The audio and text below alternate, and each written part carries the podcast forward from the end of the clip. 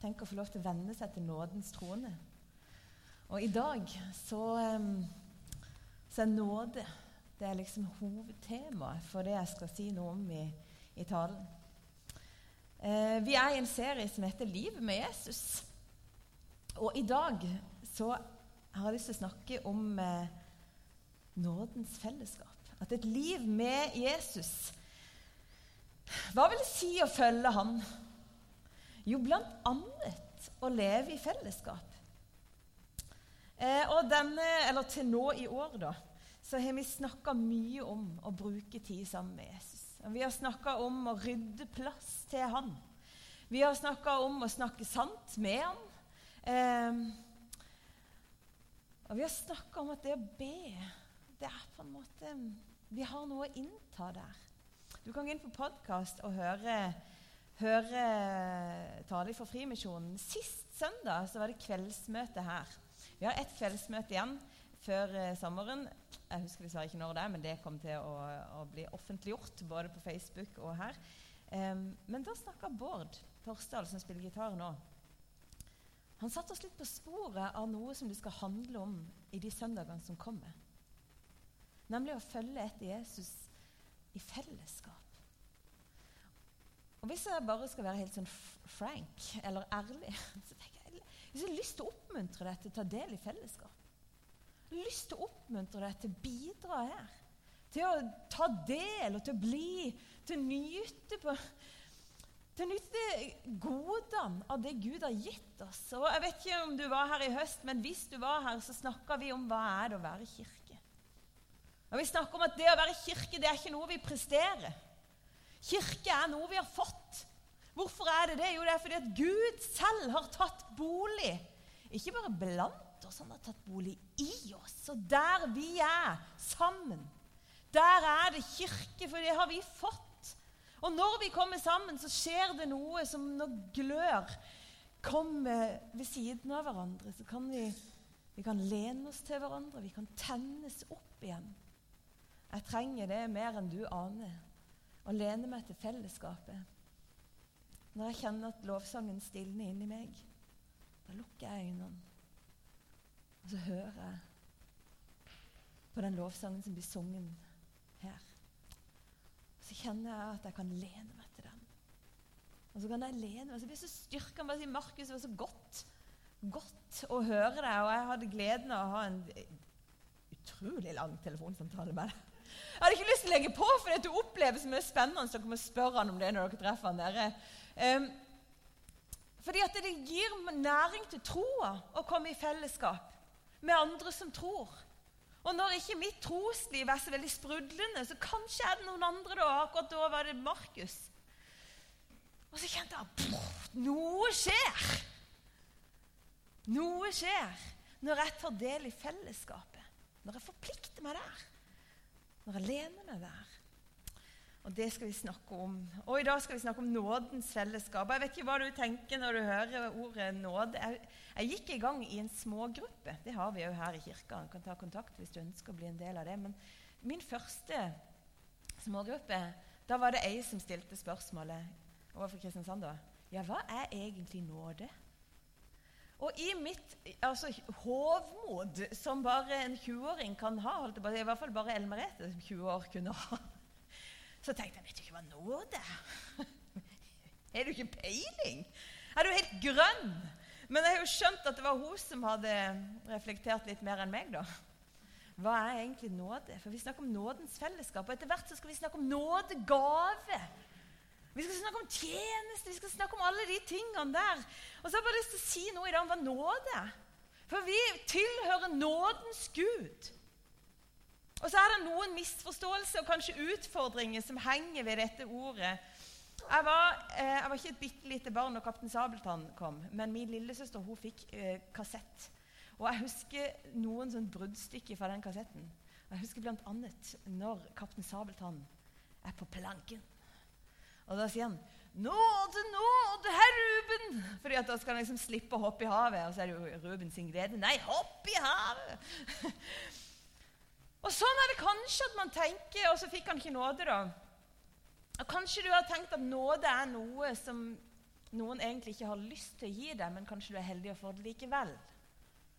At nåde er noe som Gud egentlig ikke hadde tenkt å gi. Men fordi at han er så grei, så får du det likevel. Så skal du bare være takknemlig for det. Det kan jo godt være. Og det er noe sant her. Det er ofte noe sant i de der tankene som lurer oss. Eller mulighet for noe forvrengt. Kanskje er det din tanke om nåde. Men kanskje er det like sannsynlig at når du hører ordet nåde, så reagerer du sånn som jeg gjorde når jeg var 20 og tenkte hey, du vet du ikke hva nåde er? Det er selvfølgelig det vi har. Kanskje er nåde blitt noe som vi har slengt rundt oss som et begrep som vi tar for gitt at vi har fått. Nei, men Gud er jo nådig. Tog, altså, ja, ja, han er jo nådig med oss. Og så er det akkurat som vi forholder oss til nåden som om det er, nesten ikke har noen verdi. Tenk det. Hvorfor har Gud gitt oss nåde? Jo, fordi han tenker at vi har så uendelig verdi. Og så kan vi forholde oss til den nåden som han gir oss, som om den ikke hadde noe verdi. Så tar vi det som en selvfølge. Det greske ordet for nåde Nå blir det noe for den som liker sånt. Men det er charis. Altså, det er helt sikkert ikke uttalt sånn på gresk. Men charis, det er det greske ordet. Og Kanskje kjenner du ordet, igjen ordet karisma. Det kommer derifra. Kjenner du noen som har karisma? Ja, det er noen som har det skal ikke si det er meg, nei, det er ikke det. Men jeg er sikker på at noen kan tenke oss noen som har karisma. For det er noe med folk som har karisma, for det er så tiltrekkende å være i nærheten av dem. Det er noe der i det ordet. Det er jo sånn det er ikke et ord som kom fra himmelen. Det er et ord som de brukte for å betegne noe. Og det ordet har, det har noe tiltrekkende med seg. Og vi kan oversette det. Faktisk så var det sånn at I gresk mytologi så tenkte de at, at det hadde med sjarme, ja, med skjønnhet, med kreativitet, med fruktbarhet til nytt liv. Men det er ikke det det betyr hvis du oversetter det. Da kan vi heller tenke at det betyr noe sånn som godhet. Snillhet. Tenk deg det å være snill. Har du tenkt det om Gud noen gang? At han er så snill? Liv kan du oversette sjaris med. Liv. Livgivende. Det har noe med tilgivelse å gjøre. Det kan oversettes i kontakt med barmhjertighet. Noe livgivende, og kanskje er det nettopp derfor vi tiltrekkes. Men du kan òg oversette dette ordet til glede. Har du tenkt på det? Og det har jeg tenkt veldig masse på når vi skal begynne å snakke om nådegave. For det er gave til glede. Guds nåde har noe med glede å gjøre. Har du tenkt på det? At det er gledens Gud som er hos deg. Det er hans glede å komme i kontakt med deg. Han er herlig. Og på engelsk, da, de har jo ofte et litt rikere språk enn oss, så sier han 'that which Uh, affords joy, pleasure, delight, sweetness, charm, loveliness, grace of speech, goodwill, loving kindness, favor' the merciful kindness, exerting his holy influence upon souls, turns them to Christ. It keeps them, strengthens them, and increases them in Christian faith. Det er noe med at nåde er noe vi får. Og så er det òg noe som driver oss, og som virker for oss. Jeg vet ikke om du har hørt noen som sier at 'jeg fikk nåde til å'. Fikk nåde til å si noe. Fikk nåde til å dele noe akkurat i det øyeblikket. Det er noe med nåden. En slags favør. Og hva er favør? En favør er jo ikke Vi kan tenke favør favoritt. Jeg ser for meg favør som at det er noen som åpner, har åpna døra for deg. Nåden er på en måte, og det lærte jeg en gang, en slags medvind fra himmelen. Hva tenker dere det? At Gud kommer og gir deg medvind. Vi skal, gjennom, eh, vi skal til Bibelen, og jeg lurer på om jeg skal hoppe over og lese alt. Og så skal jeg bare fortelle historiene. De kommer opp hvis du er veldig nysgjerrig på å lese. Nå trykker jeg for harde livet her. Um.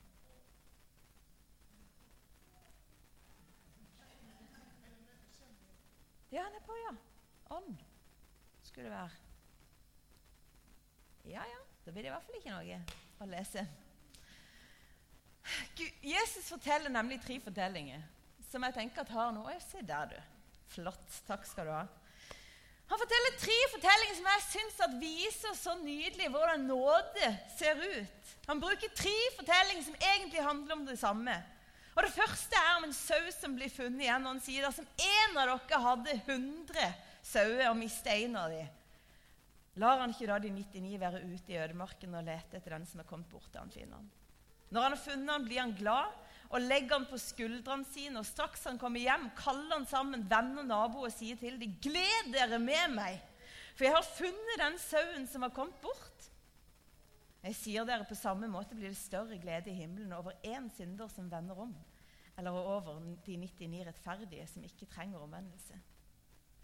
Det er noe med det å bli sammenligna med en sau som jeg syns er litt herlig. For det er jo sånn at På denne tida så var jo ikke sauer det var ikke sånn søte kosedyr. Det var jo ikke sånn at de la seg med et herlig lam rundt eh, armen.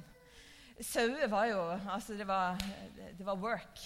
Og det er jo litt sånn der, Er det vakre dyr? Nei, jeg er ikke så sikker. Jeg syns ikke de er så pene. De er nydelige når de er små, men da stopper det ganske fort, syns jeg.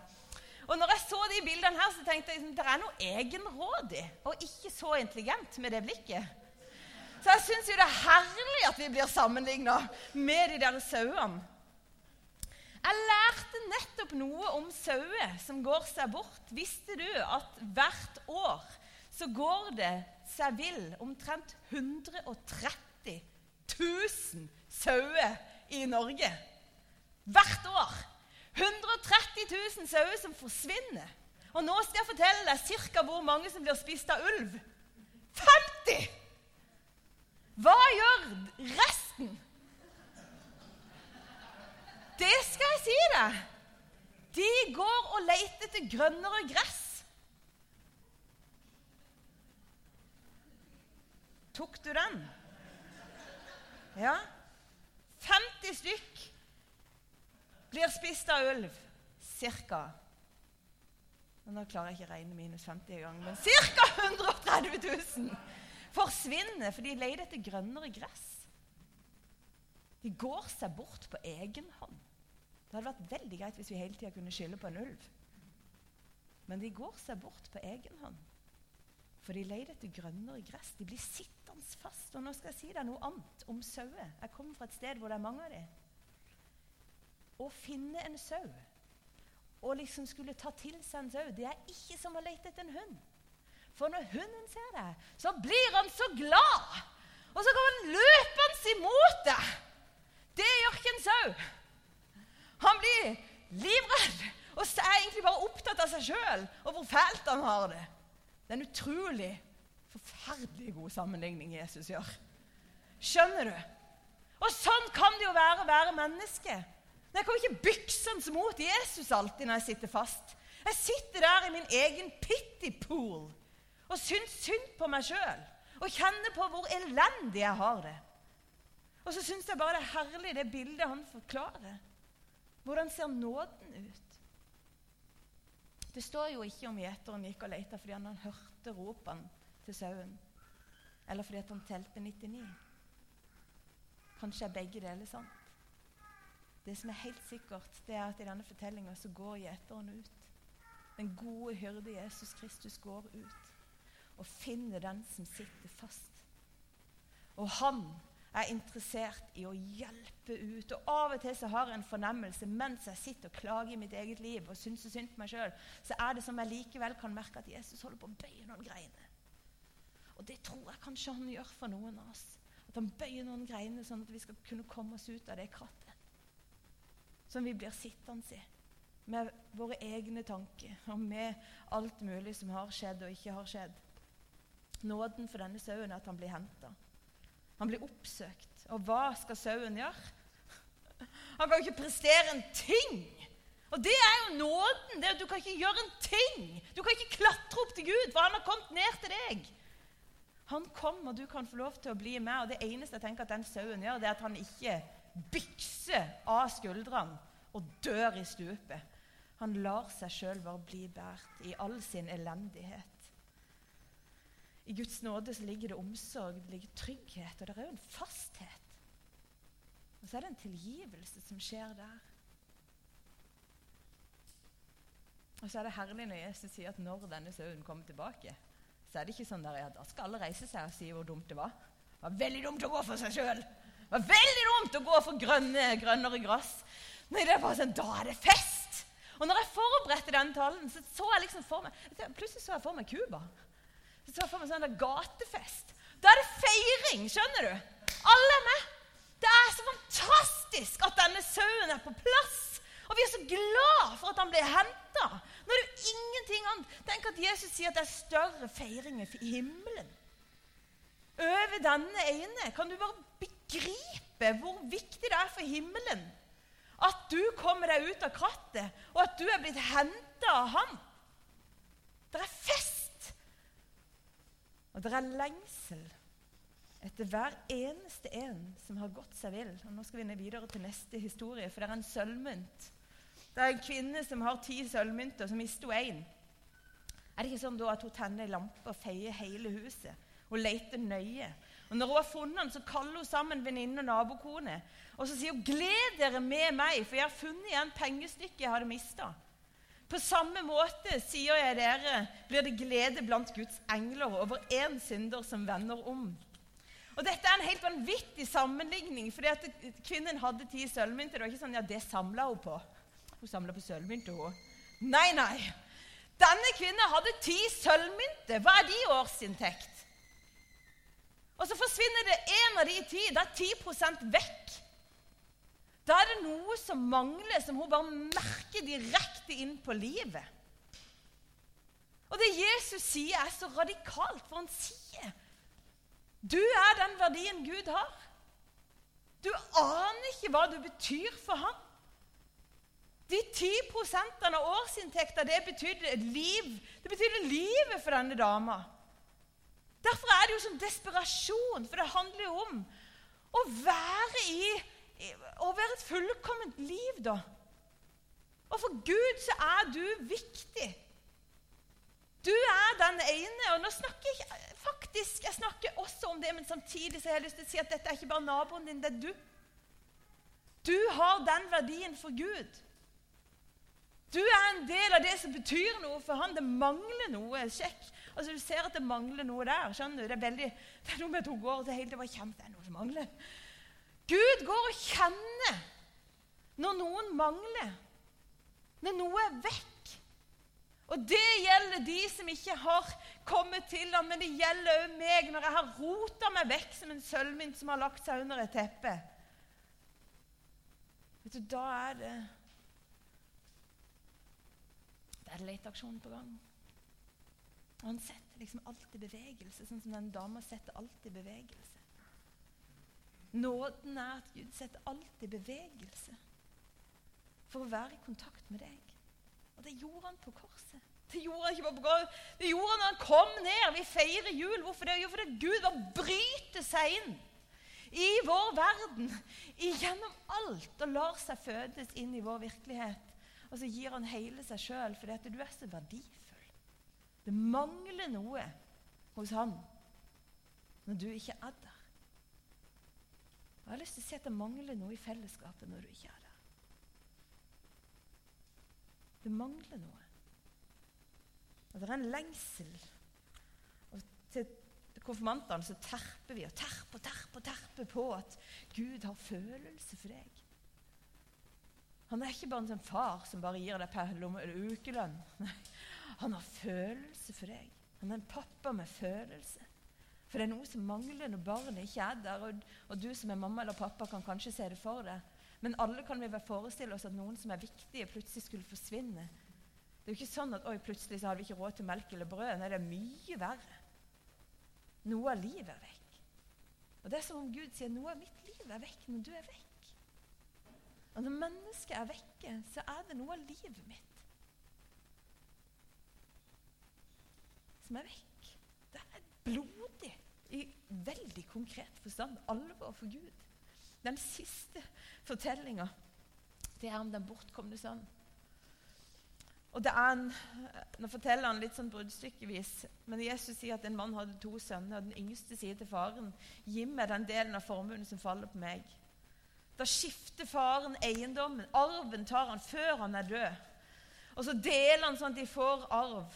Og så forsvinner, så tar denne sønnen turen av sted. For han har tenkt på et eller annet vis at han har det bedre når han løser ting på sin måte.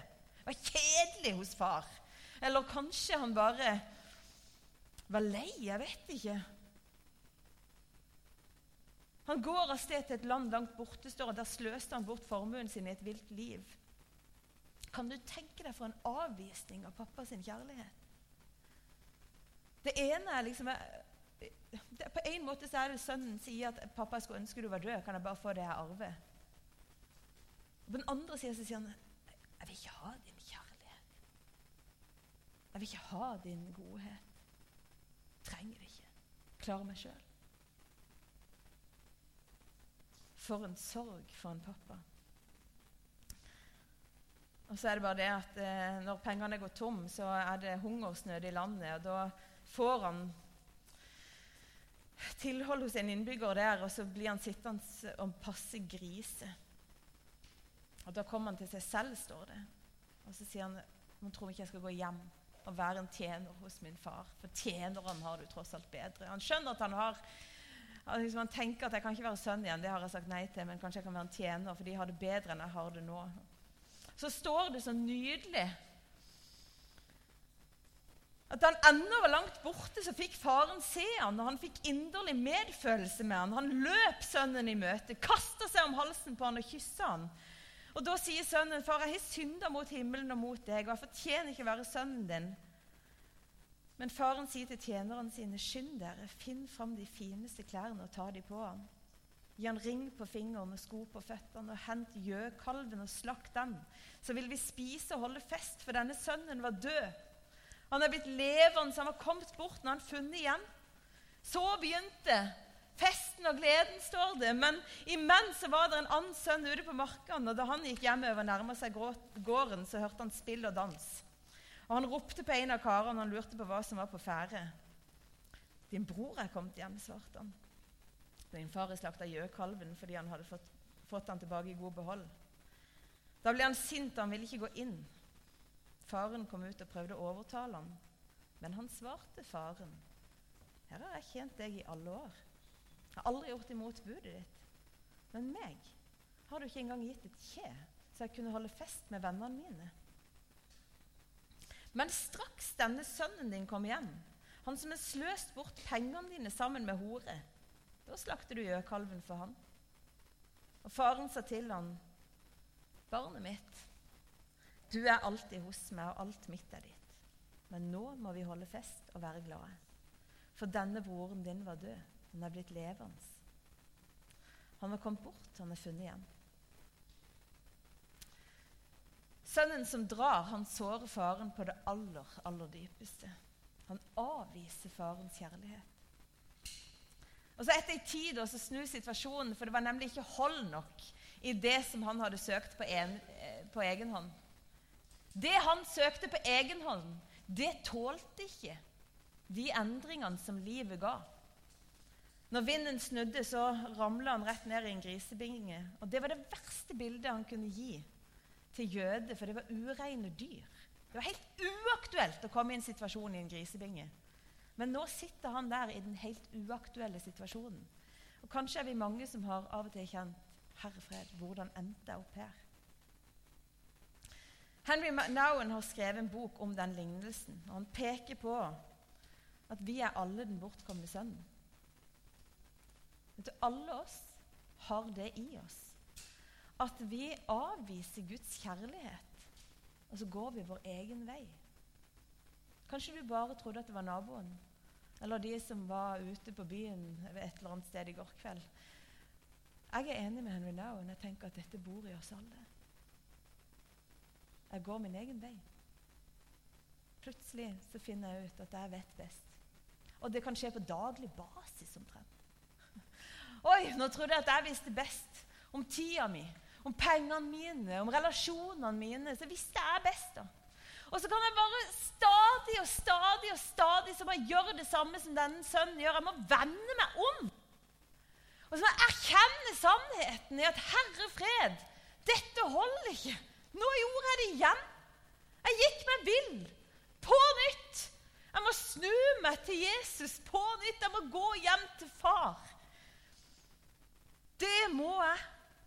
Jeg går meg vill i alt mulig. I jakten på underholdning, jakten på penger, på jakt på skjønnhet. Jeg kan gå meg vill i tankespinn og bekymringer. Jeg kan gi rom for tanker og mismot som går stikk i strid med Gud har sagt. Og så har jeg lyst til å si, Uten å si at det er helt greit, så har jeg lyst til å si sånn er det å være menneske. Og vårt håp ligger i at det å snu seg gjør en forandring. Sånn som det gjorde for denne mannen som snur seg og bare sier 'voff'. Nå setter jeg kursen der hvor jeg vet at det holder. Jeg går hjem til far. Og så kommer han der til far. Tidligere så ville han bare ha arven, men relasjonen, den droppa han. Sånn kan det være. Nå går han i retning personen pappa.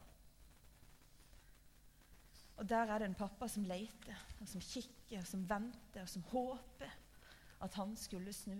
Og det er et nådens, Hvordan ser nåden ut? Jo, det er det øyeblikket hvor han ser sønnen sin komme. Og hvor han løper, noe som er helt uhørt. Det var uhørt. Så løper han, han legger ned sin egen verdighet, og så kysser han på den grisestinkende huden til sønnen. Og så gir han han en ny verdighet. Han sier 'Få av ham de der drittklærne'. Få av ham! Ta av deg. Rens deg. Jeg skal kle deg på nytt i hva da? I grace. I verdighet. Jeg skal kle deg opp. Og ikke bare klær skal du få, du skal få en ring. Og det var egentlig bankkortet med kode. Og hva skjer? Så er det fest! Og det er liksom bare Nå er det fest! Nå er du her, og du kan gå og spise så mye du bare vil fra mitt kjøkken. Du kan nyte å være med og skape musikken. Kan du få den der cubanske salsafesten hvor musikken bare skapes. Jeg later som jeg kan. det. Det er helt, helt på trynet. Men skjønner du? Det er liksom Musikken bare skapes.